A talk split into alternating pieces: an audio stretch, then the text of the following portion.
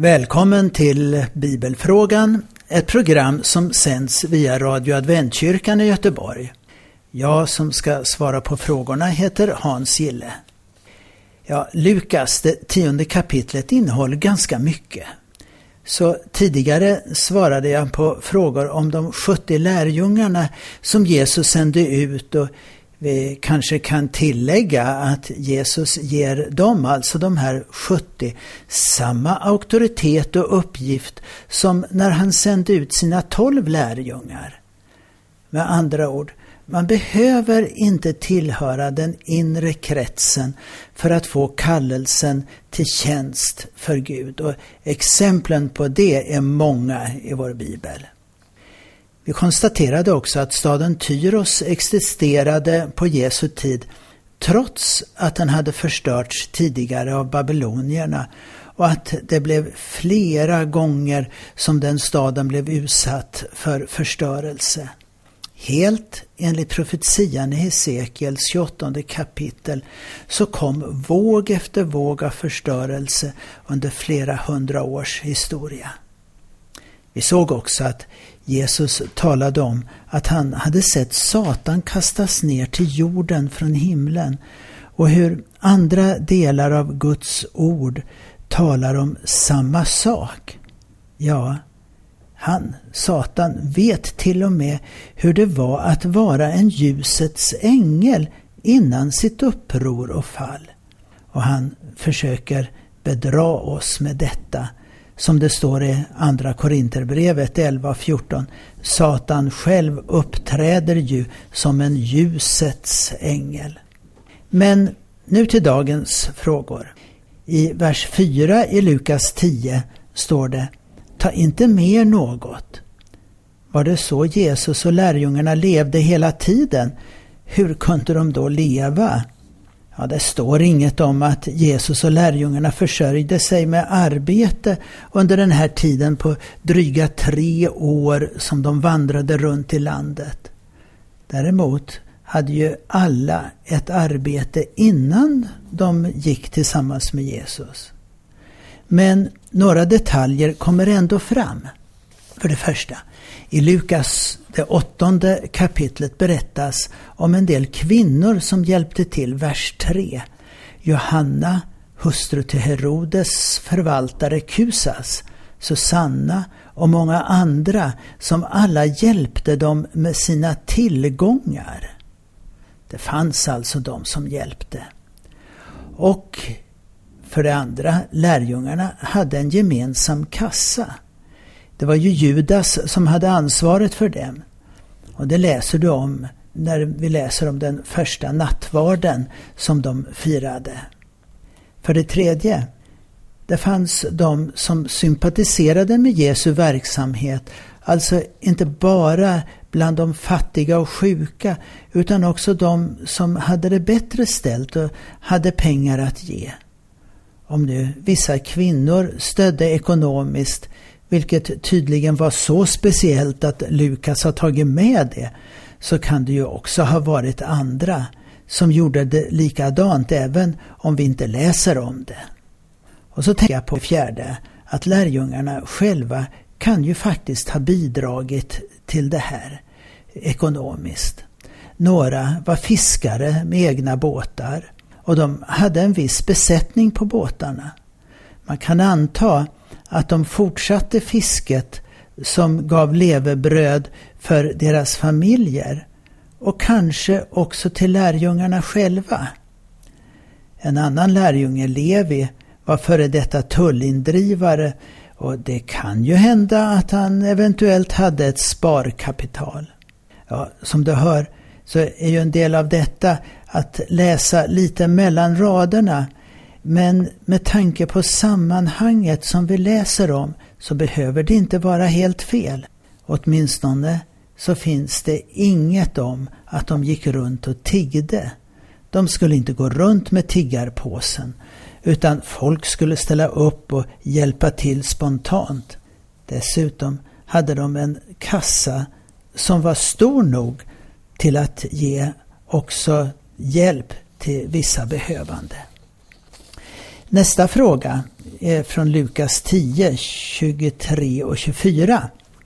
Jag läser. Sedan vände han sig till lärjungarna och sa enbart till dem Saliga de ögon som ser vad ni ser. Jag säger er, många profeter och kungar har velat se vad ni ser, men fick inte se det och velat höra det ni hör, men fick inte höra det. Vad syftar Jesus på när han nämner profeter och kungar som längtat efter dagen då Messias skulle komma? Ja, att profeterna hade förutsett och skrivit om Messias ser vi ju. Men vad har kungarna med saken att göra? När Herodes den store fick reda på att Messias hade blivit född så blev han ju rasande och knappast tacksam och förväntansfull. Ja du, genom hela gamla testamentets tid så hade ju människor längtat efter att tiden skulle vara inne för Messias ankomst. Han skulle ju krossa ormens huvud, som det står i Första Mosebok 3 och 15. Och skapa med det ett evigt fredsrike. Det var naturligtvis inte alla som väntade på Messias och inte alls alla kungar i Israel och Juda. Nej, men bland kungarna finner vi det kanske tydligast hos kung David eftersom han har skrivit ner så mycket. Ta salmen 2 till exempel, som är en av de messianska. står så här i vers 7. Jag vill berätta vad Herren bestämt. Han sa till mig, du är min son, jag har fött dig idag. Ja, Jesus som gudomlig, som Guds son, var inte bara något som Jesu lärjungar hade kommit på, utan också de lärdes förståelse. Och de hade ju fått det just från Gamla Testamentet. I första Peter brev 1 och 10 så sägs det något om hur stark den längtan var efter Messias. Det var denna räddning som profeterna sökte och forskade efter när de profeterade om den nåd som ni skulle få. De ville utröna vilken och vad slags tid som Kristi ande i dem syftade på när den förutsade de lidanden Messias måste utstå och den härlighet som skulle följa. Så visst fanns detta klart och tydligt eh, om Messias och förväntan hos hela folket faktiskt. Så har vi här den laglärde som det står berättat om i vers 25 i Matteus 10. Han frågade efter vad han skulle göra för att få evigt liv. Trodde man på evigt liv efter döden på den här tiden? Ja, både ja och nej. Det var inte alla grupper som trodde på ett evigt liv. Särskilt inte tron på att själen levde vidare. Men visst fanns också detta med i folklig tro, som i liknelsen om den rike mannen och Lazarus. Men i sin undervisning så pekade Jesus alltid på uppståndelsen från döden när han kommer tillbaka. Och då hade han Gamla Testamentet bakom sig i till exempel Jesajas 26 och 19 och Daniel 12, 1-3 med uttryck som vakna från vilan i mullen till exempel. Troende judar väntar ju fortfarande på Messias och då tror man också att det blir en uppståndelse. I Nya Testamentet är det tydligt att Jesu uppståndelse är just vår garanti för att få ett evigt liv vid hans återkomst.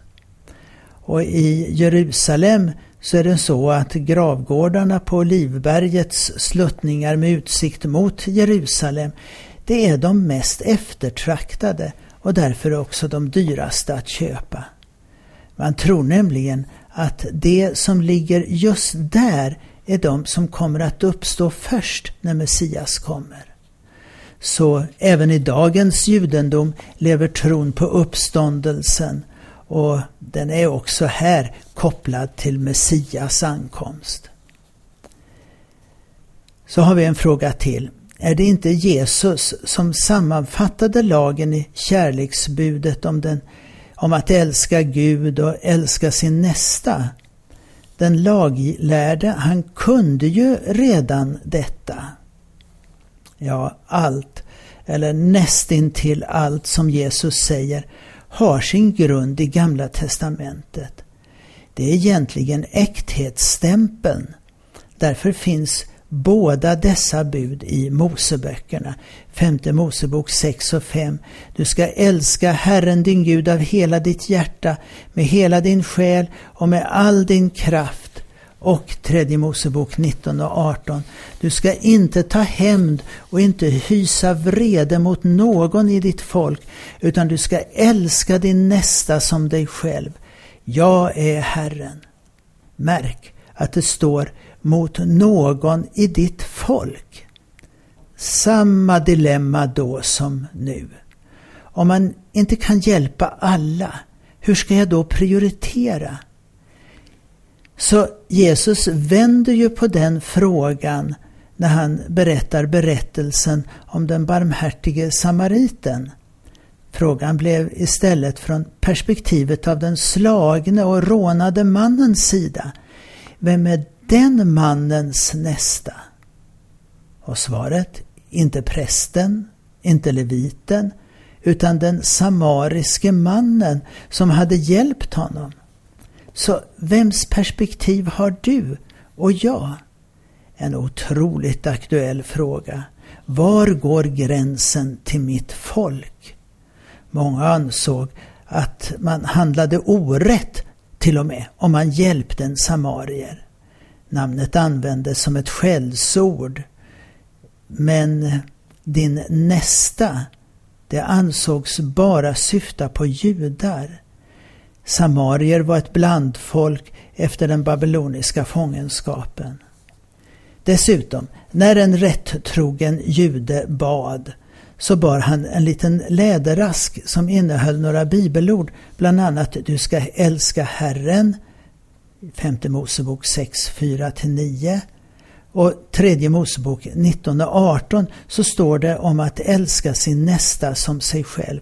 Allt sammans fanns i Gamla Testamentet och det är ju intressant att man ansåg dessa delar ur skriften så viktiga att det är just detta som mannen citerar för Jesus.